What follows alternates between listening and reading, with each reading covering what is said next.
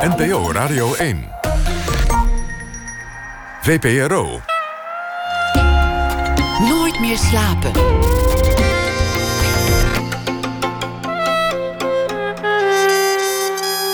Met Pieter van der Wielen. Goedenacht en welkom bij Nooit meer slapen. Sportend Nederland ligt nagenoeg stil. En zelfs al zal de sport hervat worden, dan zal de schade gigantisch zijn. Geen zorgen, we gaan u niet de put in praten. U weet die put vast ook zonder ons wel te vinden. De laatste keer dat Sportend Nederland zo stil lag was in 1944. Dat leerde ik in het boek van Jurit van der Voren. Maar verder is er de hele Tweede Wereldoorlog nagenoeg stug doorgesport. Jurit van der Voren schreef een boek, Door wilskracht zegevieren. Gaat over sport in de Tweede Wereldoorlog. Gaat er dan niet over wie de landstitel won in 1941... of wie er met de zegen in de Elfstedentocht vandoor ging in 1940... Dat is allemaal niet het meest belangrijke. Sport, dat is hier een volmaakt venster op de samenleving in oorlogsjaren. Het gaat over verzet, over collaboratie, over vervolging en alledaagsheid. Jurit van der Voren werd geboren in 1969. Hij is sporthistoricus, studeerde politicologie. Hij schreef eerder onder meer over de Olympische Spelen van 1928, schreef over voetbal en studeerde, ondanks dat het een Amsterdammer is, af op Feyenoord. Jurit, hartelijk welkom. Leuk dat je er bent. Ja, dankjewel. Dat, dat uh, wist ik eigenlijk niet dat het zo lang geleden is dat de sportcompetities stil kwamen te liggen in Nederland. Bij alles wat wordt afgelast, daar wordt gezegd van... voor de eerste keer sinds de Tweede Wereldoorlog gaat Wimbledon niet door. Voor de eerste keer sinds de Tweede Wereldoorlog hebben we geen Olympische Spelen. Dus dat is uh, wel heel uitzonderlijk. Er zijn wel eens tussensituaties geweest waarin er even geen sport was. Dat er een paar weken de autoloze zondagen bijvoorbeeld... van de oliecrisis, dat het even wat lastig werd. Maar zo fundamenteel dat er geen nationale en internationale sport was... dat is pas uh, de Tweede Wereldoorlog uh, voor de laatste keer gebeurd. Maar niet in één keer. Ze hebben er nog best lang over gedaan in de Tweede Wereldoorlog om tot stilstand te komen. Mm -hmm. Het heeft nu ongeveer vier weken geduurd voordat de sport tot stilstand kwam. En tijdens de Tweede Wereldoorlog heeft het ongeveer vier jaar geduurd. Om maar de vergelijking aan te geven. Hoe kijk je eraan naar? Want je, want je bent altijd bezig met het verleden. En dit is een van de grote historische gebeurtenissen die je zelf in je leven zult meemaken. Ja, het is altijd lastig om in het moment zelf te bepalen hoe historisch het is. Hè. We vinden onszelf altijd vreselijk belangrijk. Dus dan heb je het idee dat je in het middelpunt van het universum staat. Dat heb ik Zo, dus in, het, in het licht der eeuwen valt het misschien allemaal ook wel weer mee. Zou kunnen. Ik weet het nog niet en dat weet nog niemand. Het is wel iets heel uitzonderlijks... omdat we echt wel te maken hebben met de meest extreme... internationale maatschappelijke crisis sinds 1945, lijkt mij. Dat, uh, dat is wel, wel duidelijk. En hoe dat nog verder gaat, dat moeten we nog maar zien. Maar dat überhaupt het hele internationale leven in mijn geval ben ik dan geïnteresseerd in het sportleven... maar überhaupt het hele internationale leven... in een paar weken zo kapseist... ja, dat is natuurlijk echt uitzonderlijk. Kun, kun jij schetsen wat de gevolgen zijn voor de sportwereld? Op dit op ogenblik korte en lange termijn. Nou ja, op dit moment heel simpel is gewoon... kijk, de sport dat, uh, dat, dat bestaat uit heel veel verschillende werelden. Dat zijn de mensen zoals wij en ik die daaraan doen. Nou, ik doe het zelf niet in georganiseerd verband. Ik fiets als ik zin heb. En ik zwem als ik zin heb. Dat is laatste helaas nu niet mogelijk. Maar mensen die dat in georganiseerd verband doen... die kunnen dat nu niet. Die missen een heel belangrijk deel van hun sociale leven. En dat is natuurlijk al heel erg belangrijk. Dan kan je wel zeggen... ik hoor net mijn, uh, iemand zeggen van... Uh, mijn, mijn zoon heeft nu voetbaltrainingen via Zoom. Dat kan je nu ook doen, hè, via Skype is toch anders. Dus Bij voetbal lijkt me dat wezenlijk anders, ja. ja. Ja, dus misschien nog wel een denksport kan je misschien via Zoom uh, spelen. Of vandaag darts, dat Raymond van Barneveld dat doet. Maar het hele sociale leven daarbinnen ligt dus stil. Maar als je gaat kijken naar sport, de internationale sport... het IOC, het Internationaal Olympisch Comité... en de FIFA, de Wereldvoetbalbond, dat soort organisaties... dat is nog absoluut onmogelijk om in te zien... hoe dat in de komende tien jaar gaat veranderen. Maar dat gaat gebeuren. Dit Zo is... ingrijpend is, is het dat het over tien jaar nog merkbaar zal zijn... aan de wereld van de sport. Ja, een van de dingen waar de sport rekening mee moet houden... bijvoorbeeld bij de Paralympische Spelen, die gaan ook niet door. En dat is echt de allereerste keer dat het is uitgesteld. Want het evenement bestaat sinds 1960. Dus die hebben dat nog nooit meegemaakt. De leden van het Internationaal Paralympisch Comité... dat hun evenement wordt uitgesteld. Dat is voor hun echt helemaal nieuw.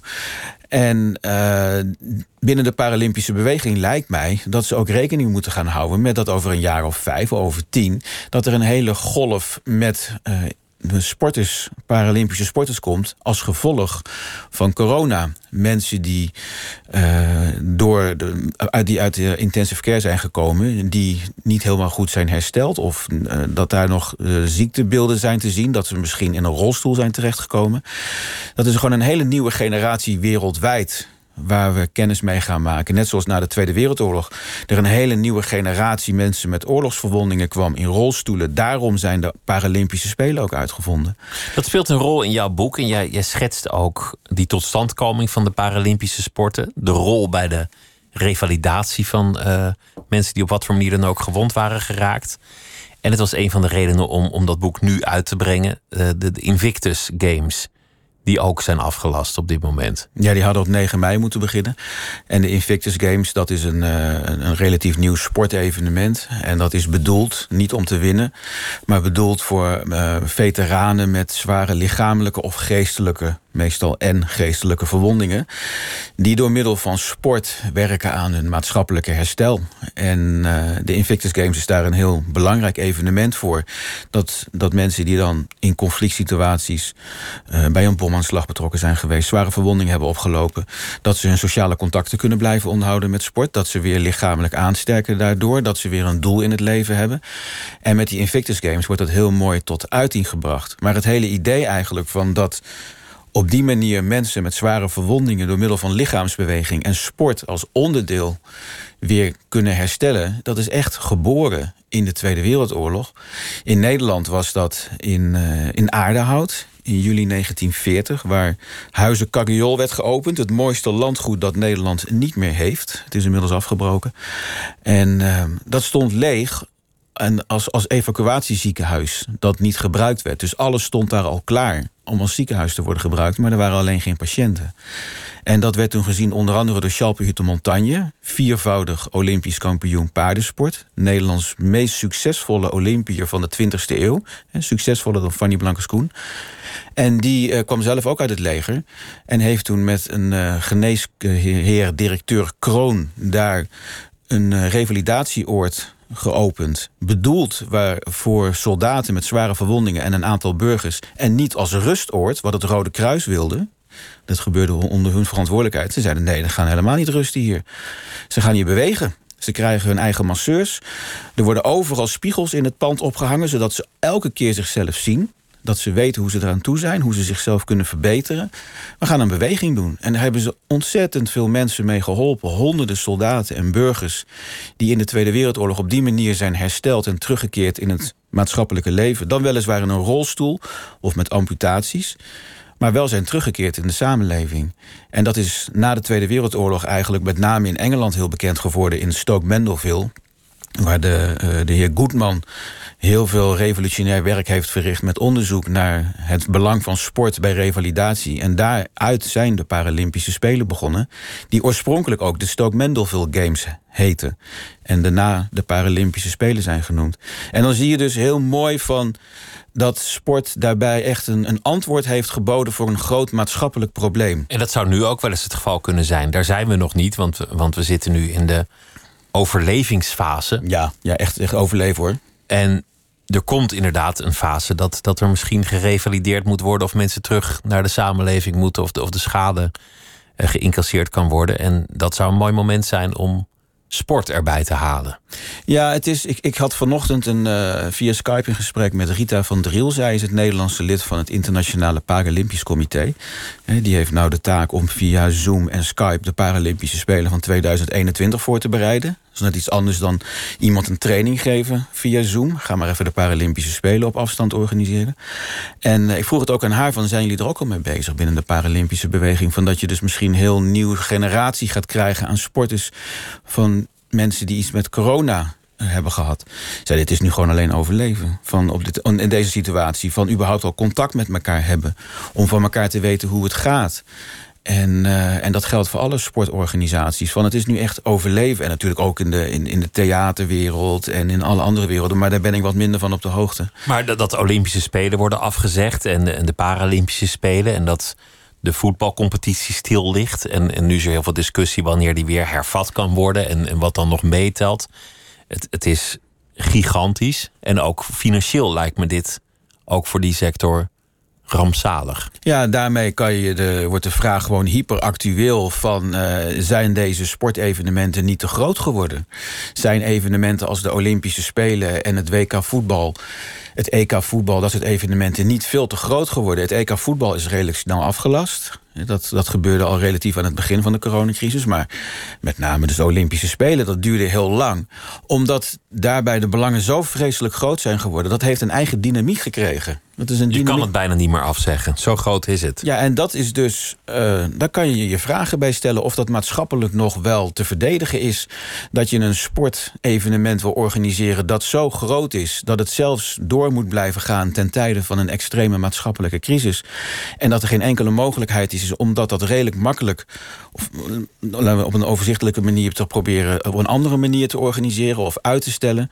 Het is zo vreselijk groot geworden dat je dus nu echt die theoretische vraag nu actueel is geworden van willen we hier nog wel mee doorgaan? Je kan je toch nog wel voorstellen van dat die voorstanders die in Nederland een maand geleden nog zeiden wij zouden de Spelen van 2032 wel willen hebben. Dat kan je toch nou niet meer denken onder deze omstandigheden. Van dat je dat nu nog wil. Van dat je zo'n logge organisatie, zo'n groot evenement naar je toe wil halen. Met belangen die groter zijn dan de volksgezondheid van je land. Nee, lijkt mij niet zo verstandig. Ik hoorde veel sportbestuurders tot zeer voor kort nog een soort uitzonderingspositie voor de sportvragen. Terwijl, terwijl het maatschappelijk leven tot stilstand kwam en de belangen zijn overal gigantisch. Was er toch nog steeds een gedachte dat sport daar wel buiten zou moeten staan? Dat sport daarboven uit zou moeten stijgen. Ja, daarbij ook van de sport. Hè. Het is ook niet één wereld waarin iedereen hetzelfde vindt en hetzelfde denkt. Dat is ook een beetje het, gevaar erin. Dit is ook heel belangrijk ook om aan sport te blijven doen. Juist omdat we binnen zitten uh, en zo weinig kunnen doen... dat er toch een bepaalde vorm van lichaamsbeweging is. En je moet ook een, uh, gewoon gezond blijven. En ik ben zelf geen fanatiek sporter, maar ik vind het wel leuk om even te, gewoon te fietsen. En even een stuk rond te lopen. En uh, dus dat, dat blijft ook belangrijk. Maar het gaat te ver als je inderdaad gaat zeggen... Van dat de sportieve belangen per definitie groter zijn... dan de maatschappelijke belangen. Maar het is ook gewoon een permanent gevecht. En ja, dat zie je nu van dat er weer een nieuwe balans in moet worden gevonden. Laten we het over jouzelf hebben. Want, want je bent sporthistoricus. Eh, je studeerde politicologie, maar dat werd al vrij snel echt gericht op de hedendaagse geschiedenis. En je was in je studietijd zeer politiek actief. Onder meer in de Amsterdamse studentenorganisaties. Onder de ASFA, ja, de, de vakbond. En je was uh, zeer links. Je had pittige meningen. Er zijn nog wel wat oude artikelen naar boven te vissen. En de Volkskrant waarschijnlijk. Ja, ja, bijvoorbeeld. Ja. Over, het ging dan over die generatie. Toen was je heel jong. En, en daar zat iemand die, uh, die vlug van de tongriem gesneden was. Ja, er waren een hele hoop mensen erg boos over. Dat was wel grappig. Echt waar? Ja, ja en dat, maar ik vind ook van dan ben je een twintiger... en dan moet je ook dingen zeggen waar mensen boos over worden. Als je op je twintigste al met compromissen begint en, en nuances dan... Ja, dat, dat was ook de afkorting die ik daarin gebruikte. Dat, waren, dat was iemand die aan een cv deed. Een cv stond voor mij voor carrièrevarken. Van dat je dus alleen maar bezig bent als student... om, uh, om, om aan je carrière te denken... en niet ook probeert om een soort van maatschappelijk bewustzijn uh, te krijgen. Aan de andere kant had ik wel door dat interview gehad van... Uh, ik had wel heel veel meningen over andere mensen... En uh, was niet, ondertussen niet in staat om mijn eigen studie af te maken. Dus dat was voor mij ook wel een reden na dat interview om te denken van... het is nu eigenlijk ook wel eens uh, een goed moment om mijn eigen studie af te ronden... in plaats van om alleen maar tegen andere mensen te zeggen... wat ze allemaal verkeerd doen. Er moest maar eens vaart in je eigen leven komen op een zeker punt. Ja, het is gewoon heel makkelijk om... Uh, en alles wat ik daarin gezegd heb... Uh, iedereen die het las, die mij kende, zeiden ook van... we hoorden je gewoon praten, dus dat klopt ook wel. En, uh, maar het was voor mij ook wel iets van... nou, misschien moet ik dan toch ook eens een keer naar mezelf kijken... of daar wel alles goed gaat zoals het, uh, zoals het hoort. Dus ik dacht van, nou, ik ga mijn studie afronden. En dat werd dus uh, als, als onderwerp, nu waar ik 25 jaar later... dan dus een boek over maken over sport en de Tweede Wereldoorlog. Over Feyenoord, om iets preciezer te zijn. Ja, want uh, ik uh, was aan het nadenken voor mijn, uh, voor mijn afstudeerscriptie. En ik wilde het eigenlijk aanvankelijk iets heel anders doen. Ik had net een heel groot onderzoek gedaan naar het Nederlands liberalisme van de jaren 30 de Vrijzinnig Democratische Bond. En dat vond ik wel leuk om daar ook nog mijn afstudeerscriptie in te maken... maar dan over de VVD, de opvolger daarvan. En een vriendin van mij zei op mijn verjaardag... van nee, moet je niet doen. Je bent student, het is je laatste kans als student... om je nog in een compleet nieuw onderwerp te gooien. Daarna gaan andere mensen tegen jou vertellen wat je moet doen... als je aan het werk gaat. Nou, ze wel gelijk in, maar goed, ik had dus geen onderwerp meer. En toen schoot vanuit het niks op mijn verjaardag, uh, redelijk laat al, uh, een uurtje of drie of zo... met wat bier achter de kiezer van ik ga afstuderen op Feyenoord. En ik wist nog niet wat precies, maar daaruit is dus wel mijn afstudeerscriptie gekomen over Feyenoord en de Tweede Wereldoorlog. Van wat is de sociale functie geweest van sport in oorlogstijd? Is het waar dat je tijdens de EK 1988, een moment dat voor menig voetballiefhebber zo'n beetje heilig was, dat de wereld stil stond, dat, dat je toen eigenlijk met andere dingen bezig was. Interesseerde me helemaal niks. Helemaal niks. Nee, het hele EK interesseerde me echt niks. Ik was in die periode vooral druk bezig als actievoerder. Het waren de, de, de weken, de maanden van studentenprotest tegen uh, minister Deetman. Uh, met Maarten van Poelgeest als voorzitter van de Landelijke Studentenvakbond. En er waren overal acties en demonstraties. En ik organiseerde ook scholierenstakingen. En we hadden op de dag van Nederland-West-Duitsland een vergadering. Ik woonde toen in een kraakband in Brummen, een dorpje bij Zutphen. En we hadden een actievergadering in Arnhem bij eh, de jongerenorganisatie van de FNV. En dus ik ging daarheen. Dat was tijdens Nederland-Duitsland. Ik wist dat gewoon niet eens. En ik was daar als enige. En ik was diep verontwaardigd dat er niemand kwam. Dus ik ben maar weer naar huis gegaan. En ik vond het zo rustig op straat. Waar is iedereen? En ik zat er ook in het kraakband. Waar niemand anders in geïnteresseerd was. Ook in voetbal. En opeens was het een hele hoop herrie buiten. Wat zijn ze aan het doen daar? Oh, er is feest. Waarom dan? Nou, Nederland had gewonnen van West-Duitsland. En met de finale, dat was op de zaterdag. Op dezelfde dag dat er in Delft de roze zaterdag was. Uh, en als beroepsdemonstrant ging ik ook daar naartoe pamfletten uitdelen. En de eerste helft was uh, Roze Zaterdag en de tweede helft was Oranje Zaterdag. Dus ik heb wel een stuk gezien van de finale van Nederland tegen uh, de Sovjet-Unie. Maar de tweede helft daarvan niet, want toen zaten we in de auto weer terug naar huis. Het interesseert ons toch niks. We reden gewoon weer naar huis toe. En het was helemaal leeg op de snelweg. En opeens gingen er allemaal mensen juichen langs de snelweg. Ze van, nou, waarschijnlijk heeft Nederland zojuist het EK gewonnen. Dus op die manier is... is ja, wat, wat wonderlijk, terwijl, terwijl later voetbal of, of, sport in ieder geval... zo'n grote rol in je leven is gaan, gaan spelen. Ja, maar ik vind het ook wel prettig dat ik er toch zo'n zo'n afstand van heb gehad... op een gegeven ogenblik. Van, dat je er dan juist iets als sport zit heel veel emotie bij. En dat vind ik wel heel belangrijk. Maar dat ik als ik het vakmatig bekijk, dat ik er een journalistieke en wetenschappelijke afstand in kan bouwen. En um, ja, om, omdat het heeft me gewoon heel wat jaren gewoon echt niet geïnteresseerd. Het kwam pas weer terug, de interesse voor, uh, voor sport... toen in 1992 uh, Feyenoord weer kampioen werd. En dat iedereen er dan weer over gaat praten. En dat is de beroemde laatste wedstrijd uh, in Groningen. Met we zwaaien met z'n allen naar de Kuip. Voor de mensen die niet mee konden naar Groningen. Die konden in de Kuip een plaats krijgen waar een heel groot scherm stond. En was er een uitverkocht stadion een beetje in Rotterdam... om te kijken naar de wedstrijd die in Groningen was. En... Uh, daar, daar kwam het eigenlijk weer terug van mijn interesse in sport. Maar ik had toen nog helemaal niet kunnen bedenken... dat ik dan drie jaar later op het idee zou komen... om, om een afstudeerscriptie te gaan maken over sportgeschiedenis. Maar je, bent, uh, je, je woonde toen in Brummen. Je hebt gestudeerd in Amsterdam. Je hebt een tijd gewoond in Dieren. Ja, daar kom ik ooit gewoon vandaan. Dieren en Brummen, dat ligt twee dorpen verderop. Dus, dus als je uit Gelderland komt, wat, wat heb je dan eigenlijk bij Feyenoord te zoeken? Hoe, werkt dat? Nou, dat uh, in, dieren, en dat geldt voor heel veel stukken in, in Gelderland... ook bijvoorbeeld in Doetinchem, dat viel me ook wel eens op... dat is heel veel Feyenoord daar. En natuurlijk wel uh, support your local uh, aliens... van dat je dan of Vitesse of NEC of de Graafschap... Go Ahead, dat waren ook wel clubs waar ik wat voor voelde. Maar als het om het echt ging, mijn hele lagere school uh, in Dieren was gewoon voor Feyenoord. Dat is, uh, en dat merk ik als ik nu nog wel eens daar kom, is het nog steeds zo. De Feyenoord is nog steeds echt een grote club. In ieder geval uh, in dat stuk van, van Gelderland. Met daarbij natuurlijk gewoon Vitesse. Maar ja, bedenk wel Vitesse in de jaren 70, want in die tijd ging het. Dat was nou niet echt een grootmacht. Ja, dat was daar viel beetje... niet veel te supporten. Nee, nee. Ja, als echte clubsupporter moet je je daar natuurlijk niet door laten tegenhouden. Maar uh, het was gewoon, iedereen was voor Feyenoord. En ik weet echt niet waarom. Want Feyenoord was ook niet op zijn best in die tijd. Eind jaren 70, begin jaren 80. Maar uh, waarschijnlijk van uh, gevoelsmatig...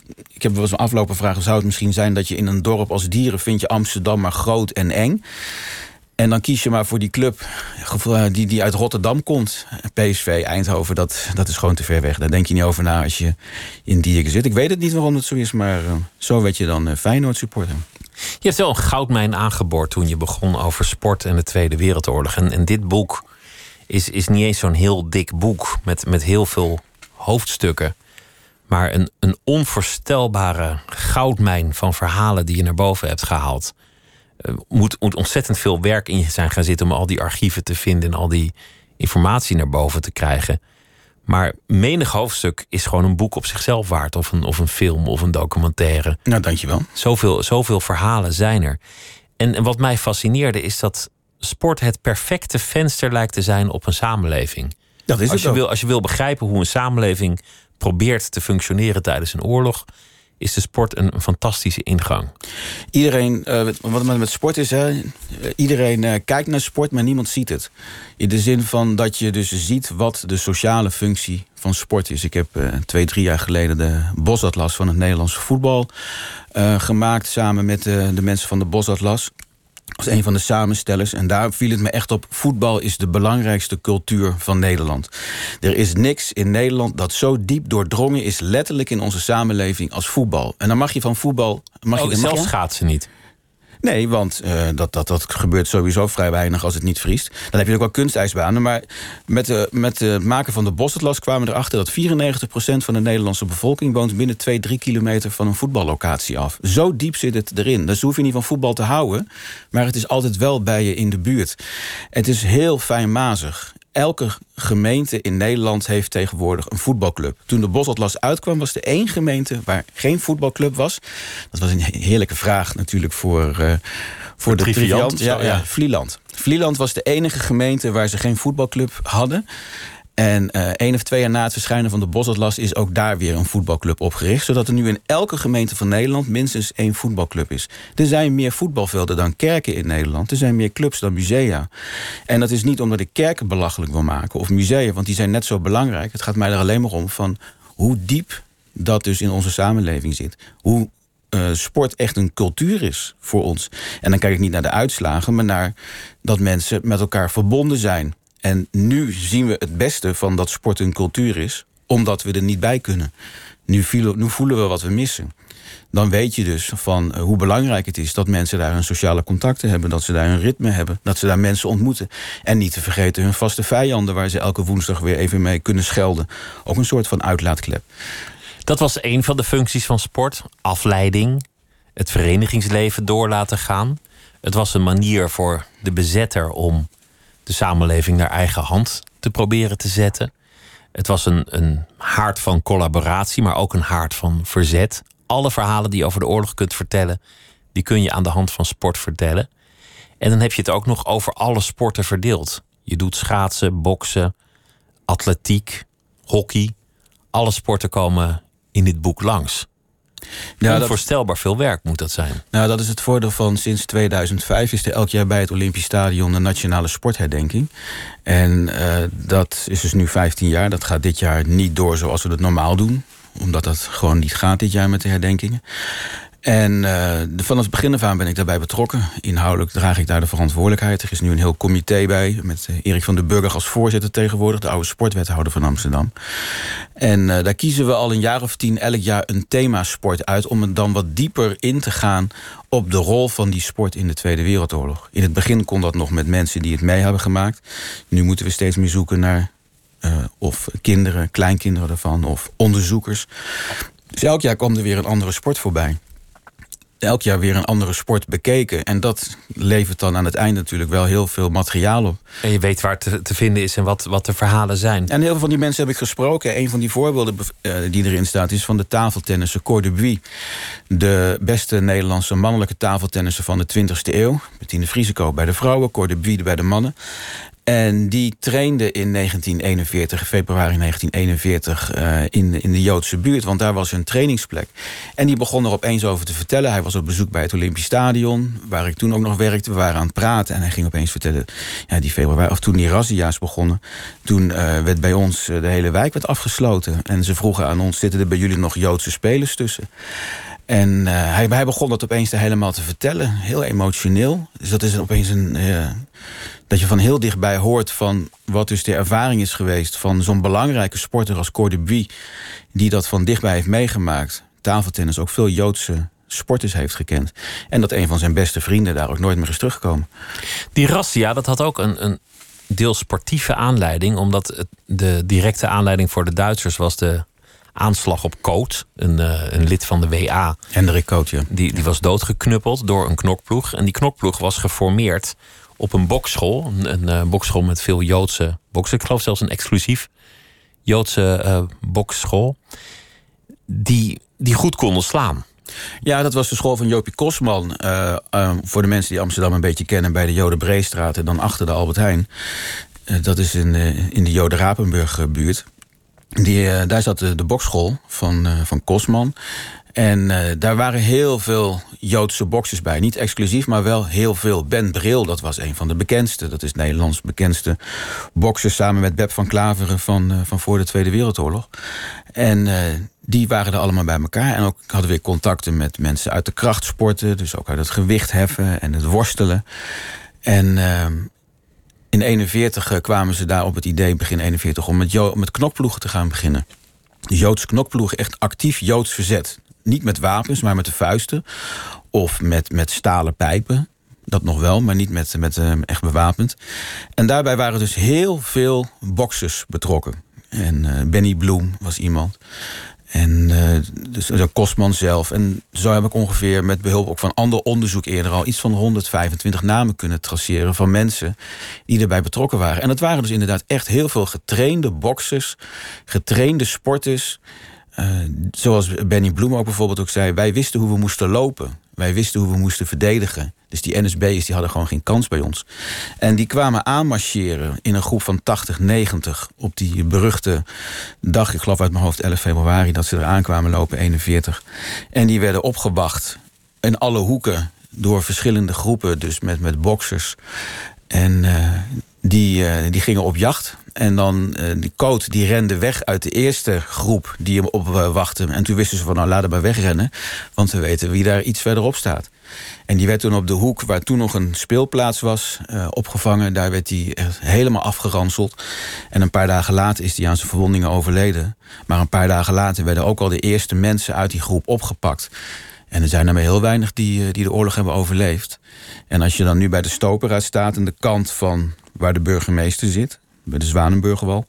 Dan zie je daar zo'n zwart monument staan. En dat is van Benny Bloem, een van die boxers die het overleefd heeft, die oorlog. Die zei van, dat is van het actieve Joodse verzet... die dus wel bewuste confrontatie heeft gekozen. Altijd die verhalen dat de Joden niet aan hebben verzet hebben gedaan. Dat ze maar gewillig... Dat is een hardnekkige mythe die maar blijft overleven. Ze lieten zich afvoeren, ze hebben zich niet verzet. En het is onlangs bewijs, nog in de Tweede Kamer door iemand herhaald... Het is gewoon niet waar. Het is absoluut niet waar. En ik heb net ook, ik ben nu even bezig met Leo Hoorn, de beroemde uh, Nederlandse scheidsrechter van de jaren 50 en 60. Die heeft ook in het verzet gezeten. En bij sabotageploeg in, in Amsterdam Zuid. En die heeft in de hele oorlog niet verteld dat hij Joods was. En die moest de hele tijd van de, de, andere verzetsmensen horen... dat ze zeiden van, nou ja, wij zijn de enigen die het uh, doen voor de Joden... want ze doen het zelf niet. En Horen kon daar niks op terugzeggen... want hij kon zijn identiteit niet verraden. En na de bevrijding heeft hij ook als een van de eerste dingen gezegd... zal ik jullie eens wat vertellen? Ik ben Joods. En ik heb de hele tijd met jullie meegedaan in het verzet. Maar dat kon ik niet vertellen om mijn identiteit te moest ik beveiligen. Dus het klopt gewoon niet. Ik ben het levende bewijs van dat Joden echt wel in het verzet zijn geweest. En dat heeft Benny Bloem dus ook door dat monument tot uiting gebracht. Als bokser, die dus heel veel uh, medeboxers en niet-sporters natuurlijk, heeft verloren in die tijd. Mensen die in die knokploegen zaten en niet van plan waren om over zich heen te laten lopen. Je begint je boek, uh, voor wie net inschakelt, Jurit van der Voren zit hier, heeft een uh, boek geschreven, Sport in de Tweede Wereldoorlog door wilskracht zegevieren. Je begint al vrij ruim voor de oorlog. En ook via de sport kan je zien hoe die dreiging opdoemt. En dat een hoop mensen wel degelijk zien wat er staat te gebeuren. Wel degelijk zien waar het nazisme toe in staat is, waar, waar het op uit is. Dat er eigenlijk al protest is in Nederland, ook in, in, in de sport je ziet eigenlijk dat het langzaamaan Nederland binnensluipt. En dan is een belangrijk moment natuurlijk de, de Olympische Spelen van 1936 in, in Berlijn. In Amsterdam komt er dan eh, onder andere een tentoonstelling Dood. D.O.O.D van kunstenaars. Dictatuur onder. Oh, ik vergeet altijd precies hoe nou voluit die afkorting is. Maar het komt erop neer van, uh, dat het een protest is tegen de dictatuur. Waaronder die Olympiade wordt gehouden in 1936. En dat is uh, een, een, een expositie in Salon Geelvink in, in Amsterdam in het centrum. En dat hangt helemaal vol met allemaal foto's van wat de nazi's doen op dat ogenblik in 1936 in Duitsland. Dus allemaal uit folterkamers en zo. Maar de Duitse ambassadeur die gaat ontzettend veel heibel trappen. En de Amsterdamse autoriteiten luisteren vooral naar hem. Dus ene naar het andere foto wordt daar weggehaald uit die expositie. Maar uiteindelijk zijn er toch heel veel mensen wezen komen kijken. En die expositie begon op 1 augustus, op precies dezelfde dag... dat in Berlijn de Olympische Spelen begonnen. Dus het was een grote expositie in Amsterdam. En daar is een uh, hele reconstructie van gemaakt in 1996. En hebben ze die expositie overgedaan. Ik geloof in de beurs van. Nee, bij het Stadsarchief. Toen nog aan, uh, aan de Amstel. Daar ben ik toen niet geweest. Maar dat boek heb ik wel van, eh, van die expositie. Maar het is dus wel een heel bijzonder dat er dus in 1936 al zo duidelijk politiek protest was. En dus ook duidelijk werd gezegd: dit, dit gaat er. Uh, dit is wat er gebeurt aan de andere kant van de grens. Zo gaan ze met, met Joden om. Dit is de reden waarom mensen niet naar die Olympische Spelen moeten gaan. Het is een publiciteitsstunt van het Nationaal Socialistisch regime. Nou, die geschiedenis is weer een hele geschiedenis op zich. Maar het interessante is dat je eigenlijk ziet hoe Nederland langzaamaan zich ja, mentaal voorbereidt op, op wat komen gaat. Dat die angst er toch wel insluipt, ook in de sport. Omdat toch wel duidelijk wordt dat. Uh, er zijn hele discussies in de sportbeweging van dat de Duitse sporters die met swastika's, hakenkruizen naar Nederland komen voor wedstrijden, waar dan ook altijd verplicht het Duits volkslied moet worden gespeeld, waarbij ze de Hitler goed brengen. Dat dat ook uh, binnen bepaalde kringen van de sport problemen uh, oplevert. Die mensen die daartegen protesteren. De meerderheid van de sport niet, omdat ze ook zeggen van wie zijn wij om te zeggen wat ze in Duitsland wel en niet moeten doen, politiek gezien. Dat is altijd die discussie. Ja. Moet je wel of niet met politiek bemoeien van het land dat een sportevenement organiseert. Maar je hebt ook in Nederland en vooral buiten Nederland, in landen als Duitsland en in, uh, in Tsjechoslowakije en vooral Oostenrijk, een hele grote socialistische sportbeweging gehad in de jaren 20 en 30.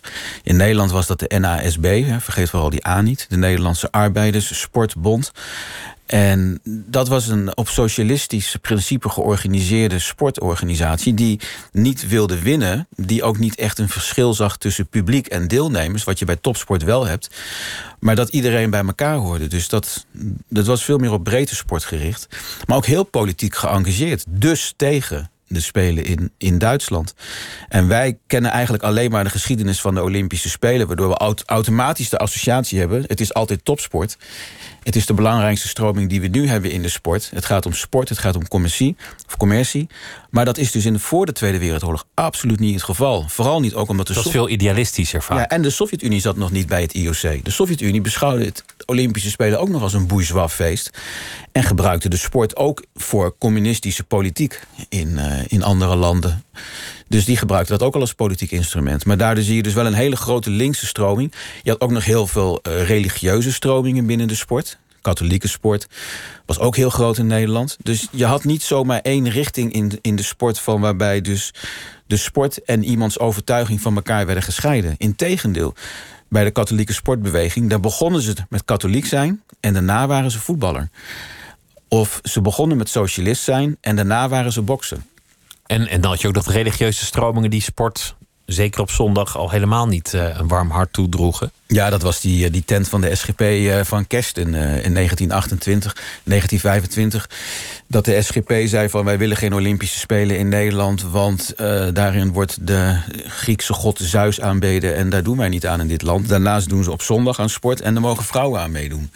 dat zijn drie dingen waar SGP's heel van slecht kunnen slapen. In ieder geval in 1925. Dus dat was ook een hele conservatieve anti-sportstroming. Heb je ook heel, heb je ook heel veel gehad. Een, een, een hele duidelijke anti-sportstroming in Nederland in de jaren 20 en 30. Ook heel belangrijk geweest natuurlijk... voor de ontwikkeling van de rol van sport in onze maatschappij. Wat je eigenlijk schetst in je boek is dat de overheid heel lang niet zoveel met sport van doen wil hebben. De nationale overheid. De nationale overheid, de, zeg maar de, de regering als je het zo wil noemen. Het Rijk. En dat dat in de Tweede Wereldoorlog veranderd. Daarom was de sport, de Nederlandse sport, ook eigenlijk wel een beetje jaloers op Duitsland en op Italië. Waar Mussolini al voor Hitler begon met sport gebruiken voor politiek. Waarin van alles mogelijk was, waarin heel veel geld werd gestopt.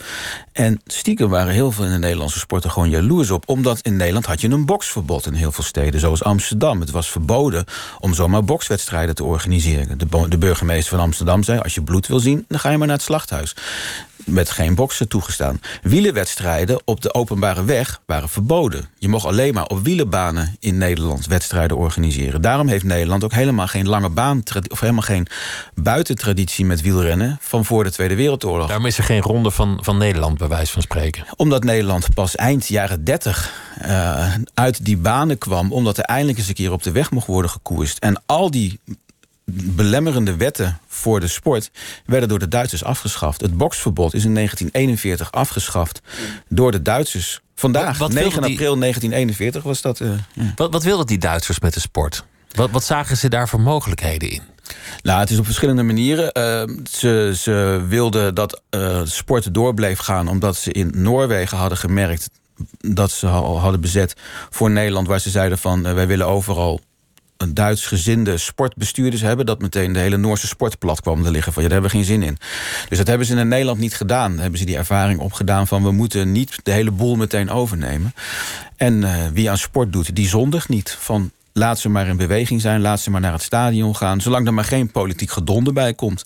Dat willen we niet. Brood en spelen eigenlijk. Ja, gewoon heel simpel. Dat op die manier dus mensen ook uh, afleiding hadden. Maar binnen de nationaal-socialistische ideologie... en dat zie je dan bijvoorbeeld bij een club als de Nederlandse Jeugdstorm... waarbij ik uh, ook heb gekeken, dus de jongerenorganisatie van de NSB... wat voor een rol sport bij die mensen had. Dat was echt, uh, voor, de, voor de mannen was het bedoeld om te strijden... om, om zich te harden voor het front, letterlijk om te vechten...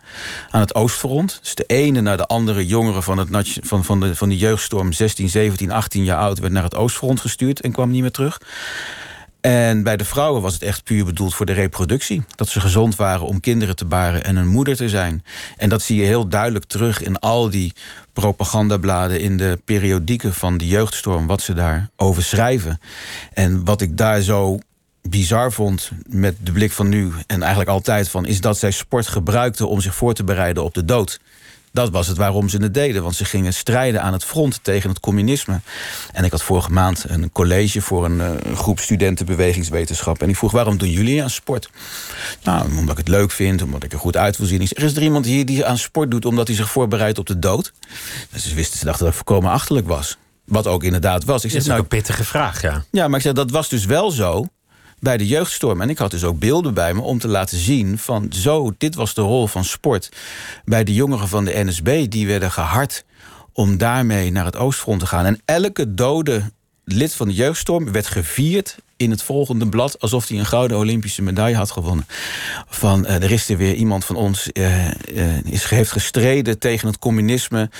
En dat was dan weer een jongen van 17 jaar. En dat Sport... vierden ze sport en oorlog liggen in taalgebruik natuurlijk vaak dicht bij elkaar. Omdat er in allebei een duidelijk competitief element zit. Maar heel veel oorlogsmetaforen die gelden ook in de sport en andersom ook. Sport had, had één groot nadeel in Nederland. Het bracht veel mensen bij elkaar. Wat het voor de Duitsers ook wel heel makkelijk maakte om mensen te vinden. Het was om razzia's te houden, om onderduikers op te sporen. Ga maar door. Ja, daar werd ook heel veel voor gewaarschuwd, uh, las ik in, in verzetsblaadjes... waarin ze schreven van ga nou niet naar dat soort wedstrijden toe. Het is gewoon gevaarlijk. Ga niet in de hongerwinter notabene dat mensen een stukje gingen schaatsen. Omdat het uh, ijs zo goed was. Blijf nou binnen. Maar mensen die namen het risico en gingen dus naar buiten toe... om naar wedstrijden te kijken, om dus te schaatsen... Uh, tot, er, tot in de hongerwinter toe, januari 45, in, in bezet gebied. Dus dat, was, dat geeft wel aan hoe belangrijk die mensen dat vonden voor een afleiding. En toen ik mijn scriptie schreef, dus toen ik daar 25 jaar geleden mee begon... toen leerde ik al redelijk snel Tip de Bruin kennen. Amsterdam-Noord, ik woon er tegenwoordig zelf ook. En die was van de Volenwijkers. En Tip de Bruin is in Amsterdam ook wel bekend bij wat oudere mensen... omdat hij uh, in de mannenkleding allemaal winkels heeft. En uh, die was ondergedoken geweest, zei hij. Maar hij heeft wel zijn ploeg de Volenwijkers... in 1944 kampioen van Nederland zien worden in het Olympisch Stadion. De kampioenswedstrijden. Elke twee weken ging hij zijn ruimte uit om naar zijn ploeg te kijken. En toen vroeg ik van, maar waarom doe je dat dan? Waarom ga je je leven... Dat is gevaarlijk, ja. Ja, hij zei van, nou, omdat ik alleen maar binnen zat. Ik wist echt niet meer wat er met mijn vrienden gebeurde. Ik had geen sociale contacten meer. En dat risico nam ik. En hij is dus bij de kampioenswedstrijd geweest. Dat was uh, de Volenwijkers tegen Heerenveen. Tweede Pinksterdag 1944. En hij zei toen hij eraan kwam... stonden er bij de ingang stonden de, en de NSB'ers... en de groene politie stond daar te wachten. En hij is er tussendoor gelopen. En is naar binnen gegaan. En hij zei, met mij zaten er nog een paar honderd onderduikers... te kijken naar hoe onze ploeg kampioen werd. En zo zijn er dus honderden mensen geweest... die hun leven hebben gewaagd om te zien dat hun ploeg kampioen werd. Toen gingen ze weer naar buiten. Er waren geen trams. Want op eh, die tijd waren er dan vanwege besparingen geen trams op vrije dagen. Dus ze moesten lopen over het Leidsplein en dan door naar de pont achter het station. En hij zei dat werd één groot feest. Want wij waren kampioen geworden. Dus we gingen met 10, 20.000 mensen feestvierend dwars door de stad heen. En de Amsterdammers keken van, we weten niet waarom ze feest vieren... maar we zijn al lang blij dat er feest is. We gaan ook meedoen. En de Duitsers hadden van, nou ja, laat ze maar een dag. Dan hebben ze in ieder geval een leuke dag. En zo zijn al die honderden onderduikers weer feestend veilig thuisgekomen... en hebben zich weer opgesloten. En dat stadion dat dan ook verhuurd werd met factuur en al aan de bezetter... voor, voor allerlei evenementen voor uh, bijeenkomsten, eh, noem maar op. En in dat stadion hebben ook mensen nog ondergedoken gezeten in, in kruipruimtes of, of weet ik veel waar? Ja, aan de ene kant van het veld, dat is aan de voorkant... als je het Olympisch Stadion binnenkomt via het plein, de marathonpoort... dan loop je eigenlijk onder de schuilplaats door van de onderduikers. Cor Jonkind heeft me dat aangewezen. Zijn grootvader was hoofdopzichter van het Olympisch Stadion, Daniel Veen... en zijn vader deed daar de elektriciteit, dus die kende elke vierkante centimeter. Cor was toen nog zelf een jongen, een jaar of 7, 8. Dus hij heeft het in de oorlog zelf niet gezien. Maar na de oorlog heeft hij het wel gezien. Cor is uh, vorige maand overleden. Maar ik heb het uh, vorig jaar nog met hem over gehad op, uh, op 5 mei in het Olympisch Stadion. En aan de andere kant vertelde hij van het veld... daar lagen de fokkeronderdelen, de vliegtuigonderdelen. En die werden bewaakt door de, door de Duitse militairen. En dan had je aan de, aan de zijkant van het stadion, aan de noordkant... waar nou zo'n beetje de, de Kruif Academy zit... en en het Kruifkoord, daar werden de fietsen in beslag genomen. Die in Amsterdam uh, in 1942 dus werden opgehaald. Die stonden aan die kant. Zoveel geschiedenis op één plek. En dan ook nog vlakbij Schiphol, een, een oorlogsdoel. Dus, dus er moesten ook plannen zijn als er werd gespeeld hoe je dat stadion moet ontruimen als er een bom valt. Ja, de Nederlandse Voetbalbond had daarvoor richtlijnen opgesteld... van wat moet je doen met luchtalarm. Dat uh, een verschil was tussen een vooralarm en een echt luchtalarm. Bij een vooralarm dan moet je je gaan in op gaan letten of je weg moest of niet. En bij een luchtalarm dan moest je echt weg. En het Olympisch Stadion had het al geregeld op verzoek van de burgemeester... voordat het officiële verzoek kwam van de NVB. En weer die Daniel Veen, dus die grootvader van Cor Jonkind... die dat allemaal geregeld had. Al was het maar omdat die man een stem had... die je geloof ik drie kilometer verderop nog kon horen zonder geluidsversterking. Dus die was daar ook wel toe in staat. En uh, het, is, het is nooit nodig geweest in het Olympisch Stadion om een uh, wedstrijd af te lassen. Maar het is één keer gebeurd en dat is wel in Amsterdam geweest. Dat was in het Ajax-stadion, de Meer.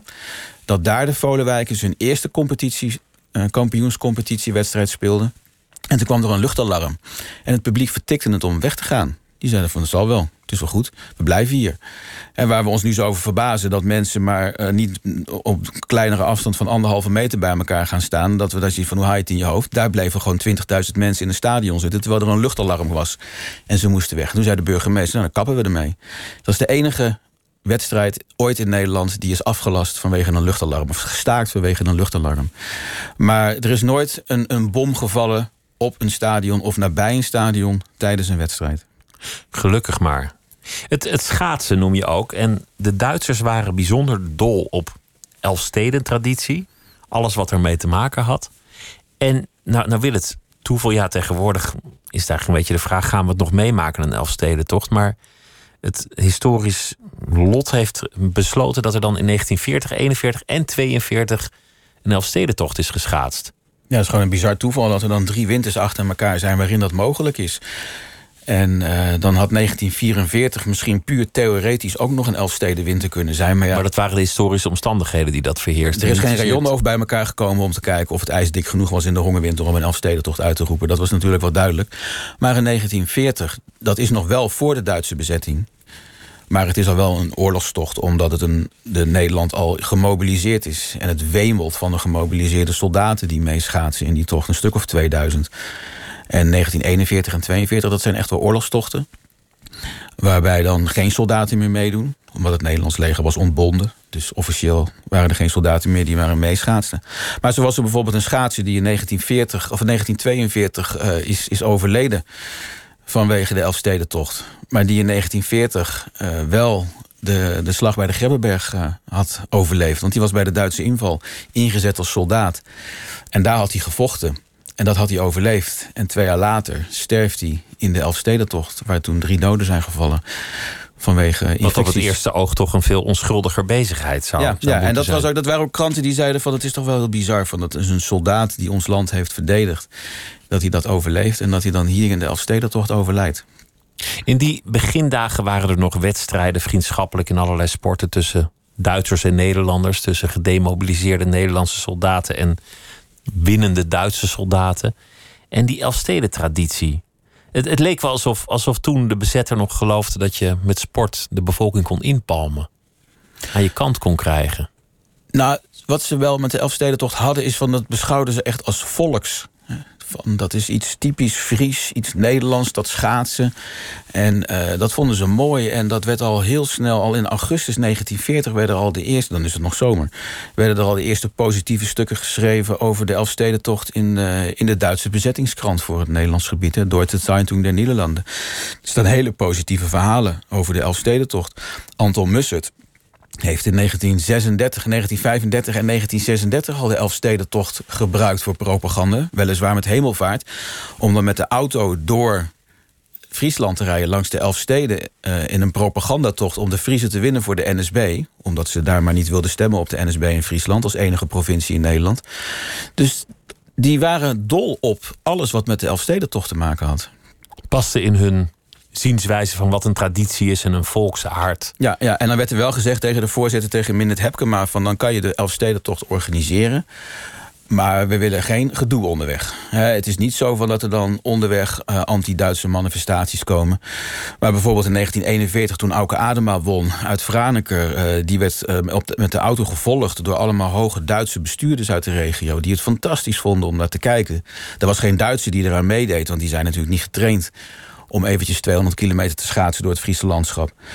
Uh, maar ze bleven maar verbaasd kijken. En ze zijn later nog een keer naar die oude ma gegaan, Auke Adema... om hem nog een keer een krans om te hangen en een foto uh, te maken met hem. Zo bijzonder vonden ze het. En propagandistisch natuurlijk ook waardevol van... als de Friesen het zo belangrijk vinden... dan moeten wij ook maar een beetje in de buurt staan. Aan de, aan de hand van de, de geschiedenis van de kruisjes... krijg je ook een beeld van wat de impact is van die oorlog op, op een samenleving.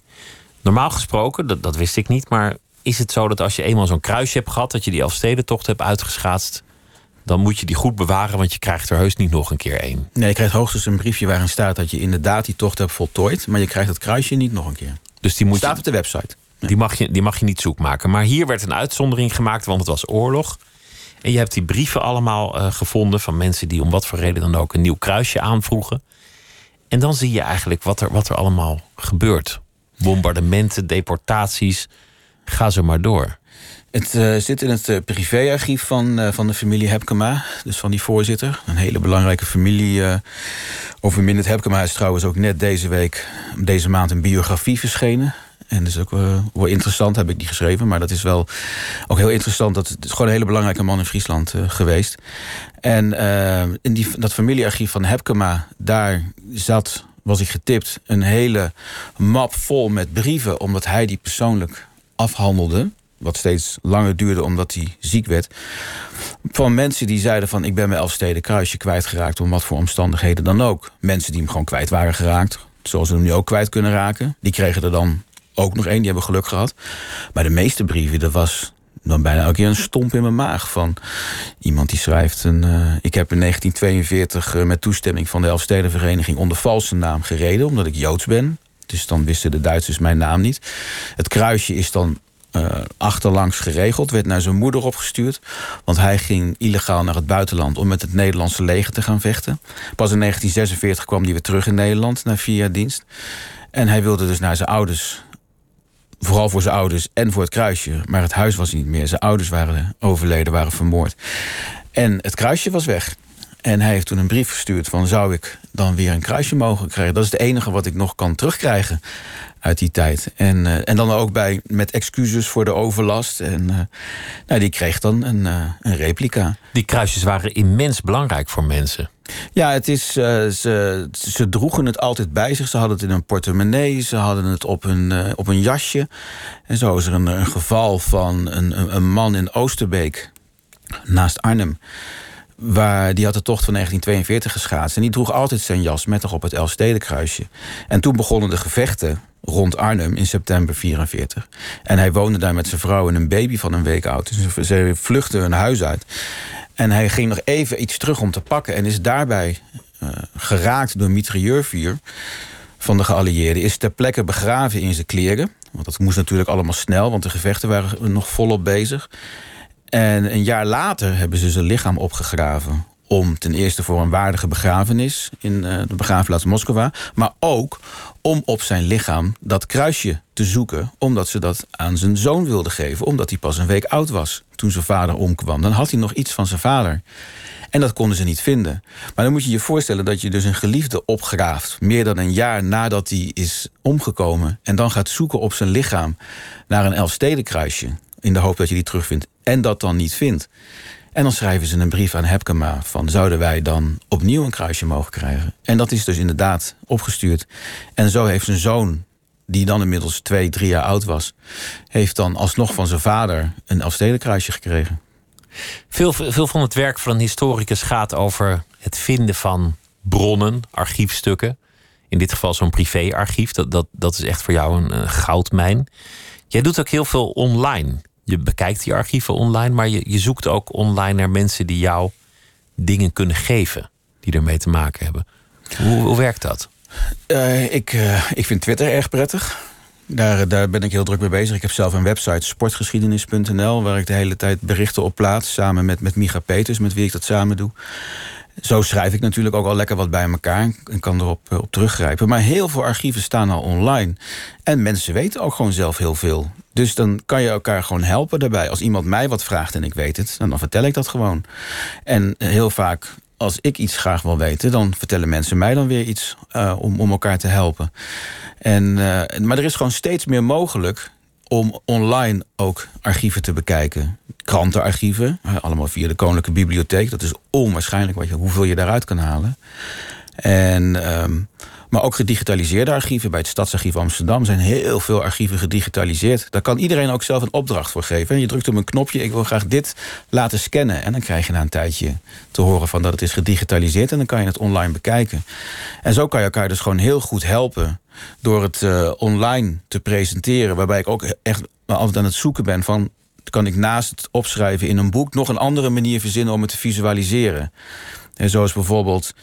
er zijn 27 eh, Joodse Feyenoorders uh, omgekomen in de oorlog, donateurs en leden. En de meeste van die namen zijn eigenlijk onbekend. We associëren Feyenoord niet echt als een jodenclub. Daar hebben heel veel Joodse mensen bij gezeten. Er zijn heel veel mensen voor mij geweest die die mensen hebben teruggevonden, die Joodse leden. En van hun onderzoek heb ik gebruik kunnen maken om weer naar hun adressen te zoeken, waar ze woonden, als laatste adres voordat ze werden opgehaald in Rotterdam en gedeporteerd. En die heb ik deze week in Google Maps gezet. Zodat je dan kan zien van waar woonden dan die Joodse Feyenoorders in Rotterdam. En zo zijn er heel veel van dat soort gegevens die je kan visualiseren. Want als je het op een kaart ziet of in een in een tijdlijn, dan kan je opeens extra inzichten krijgen. En het is aan de ene kant heel waardevol werk, maar tegelijkertijd ook heel kil. Want elk vinkje dat ik in zo'n kaart zet, is een vermoord iemand. En uh, dus dat maakt het ook weer heel vreemd om het te doen. Maar ik heb dan zelf van de Holocaust is systematisch uh, voorbereid en uitgevoerd. Dus is het ook een taak aan historici om het systematisch te analyseren. En in kaart te brengen. Ja. Maar het, het maakt ook dat je bij mensen ineens in de huiskamer zit die jou een verhaal vertellen en dan ineens in tranen uitbarsten. Dat heb ik meegemaakt met, uh, met Gerrit Vreken, de ADO-spits. Toen ik voor Langs de Lijn met Robert Meder bij hem op bezoek was in 2003. Documentaire gemaakt. En uh, de NSB-spits, zo stond hij bekend. En hij heeft uitgelegd hoe dat gekomen is. En het is een heel begrijpelijk verhaal van hoe de ene stap naar de andere stap wordt gezet. Waarbij hij ook gewoon fouten heeft gemaakt, zoals mensen dat wel vaker doen. En dan zit je met een 85-jarige man, s ochtends, uh, in, zijn, uh, in zijn keuken de interview op te nemen. En dan aan het eind begint hij te huilen. Omdat het allemaal dan naar boven komt. En wat we ook tegen hem zeiden was: uh, van, misschien moet je gewoon dit voor de laatste keer dit verhaal verteld hebben. Niet omdat wij niet willen dat andere journalisten het nog een keer horen. Dat we een beetje stiekem onze bronnen aan het afschermen zijn, maar omdat het ook voor jou zo zwaar is. En dat heb ik met heel veel mensen gehad. Het is heel vaak heel zwaar natuurlijk, wat ze moeten vertellen. En ze moeten het elke keer maar weer opnieuw doen. Altijd maar weer die oorlog, die blijft maar terugkomen. Pieter Roy, jouw scriptiebegeleider, die zei tegen jou: ga niet de strafprocessen overdoen, die zijn allemaal wel geweest. Dat, dat, zou, dat zou een. Uh... Dat was het eerste advies dat hij aan me gaf. En meteen ook wel eigenlijk een van de belangrijkste. Maar wat, wat wel interessant is, is om te zien hoe die scheidslijn tussen goed en fout, die, die zo enorm belangrijk wordt in, in het leven van mensen na de oorlog, soms zo ontzettend moeilijk te trekken is. Ja, ik heb ook nooit het idee gehad van dat iemand dan ochtends wakker wordt... en zijn vrouw en kinderen bij elkaar roept... en dan zo in zijn handen klapt. Vanaf vandaag zijn we fout. Dan hebben we dat ook even afgesproken. Dat, uh, er zijn echt wel mensen die zware misdaden hebben gepleegd. Ook in de sport. Hè. Beruchte mensen als Tinus Oostendorp, Cor Wals, Sam Olij.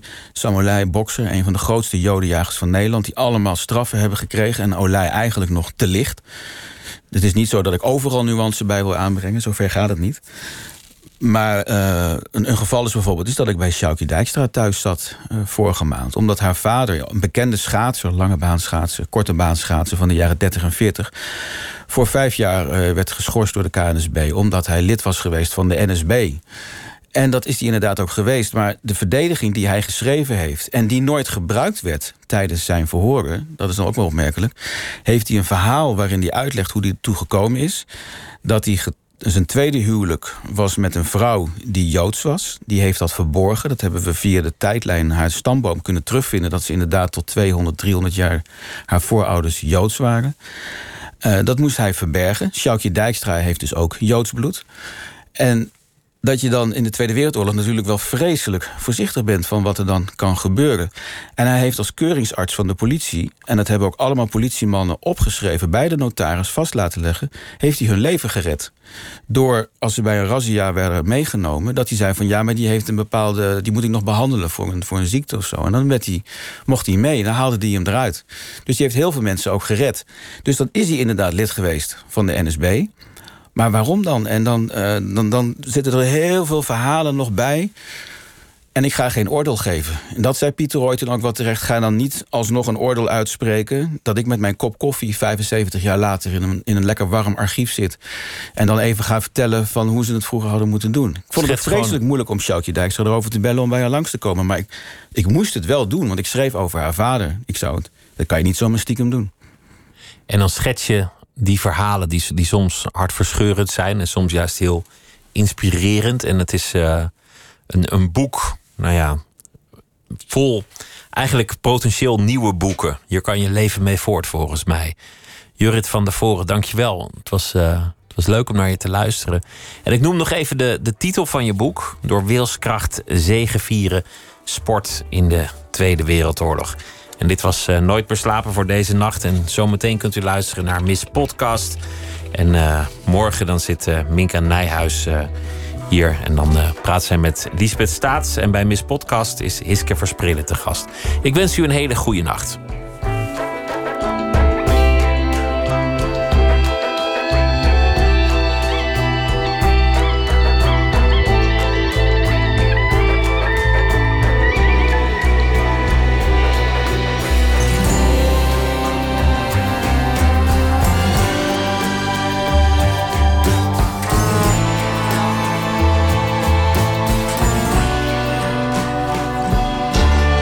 Radio 1. Het nieuws van alle kanten.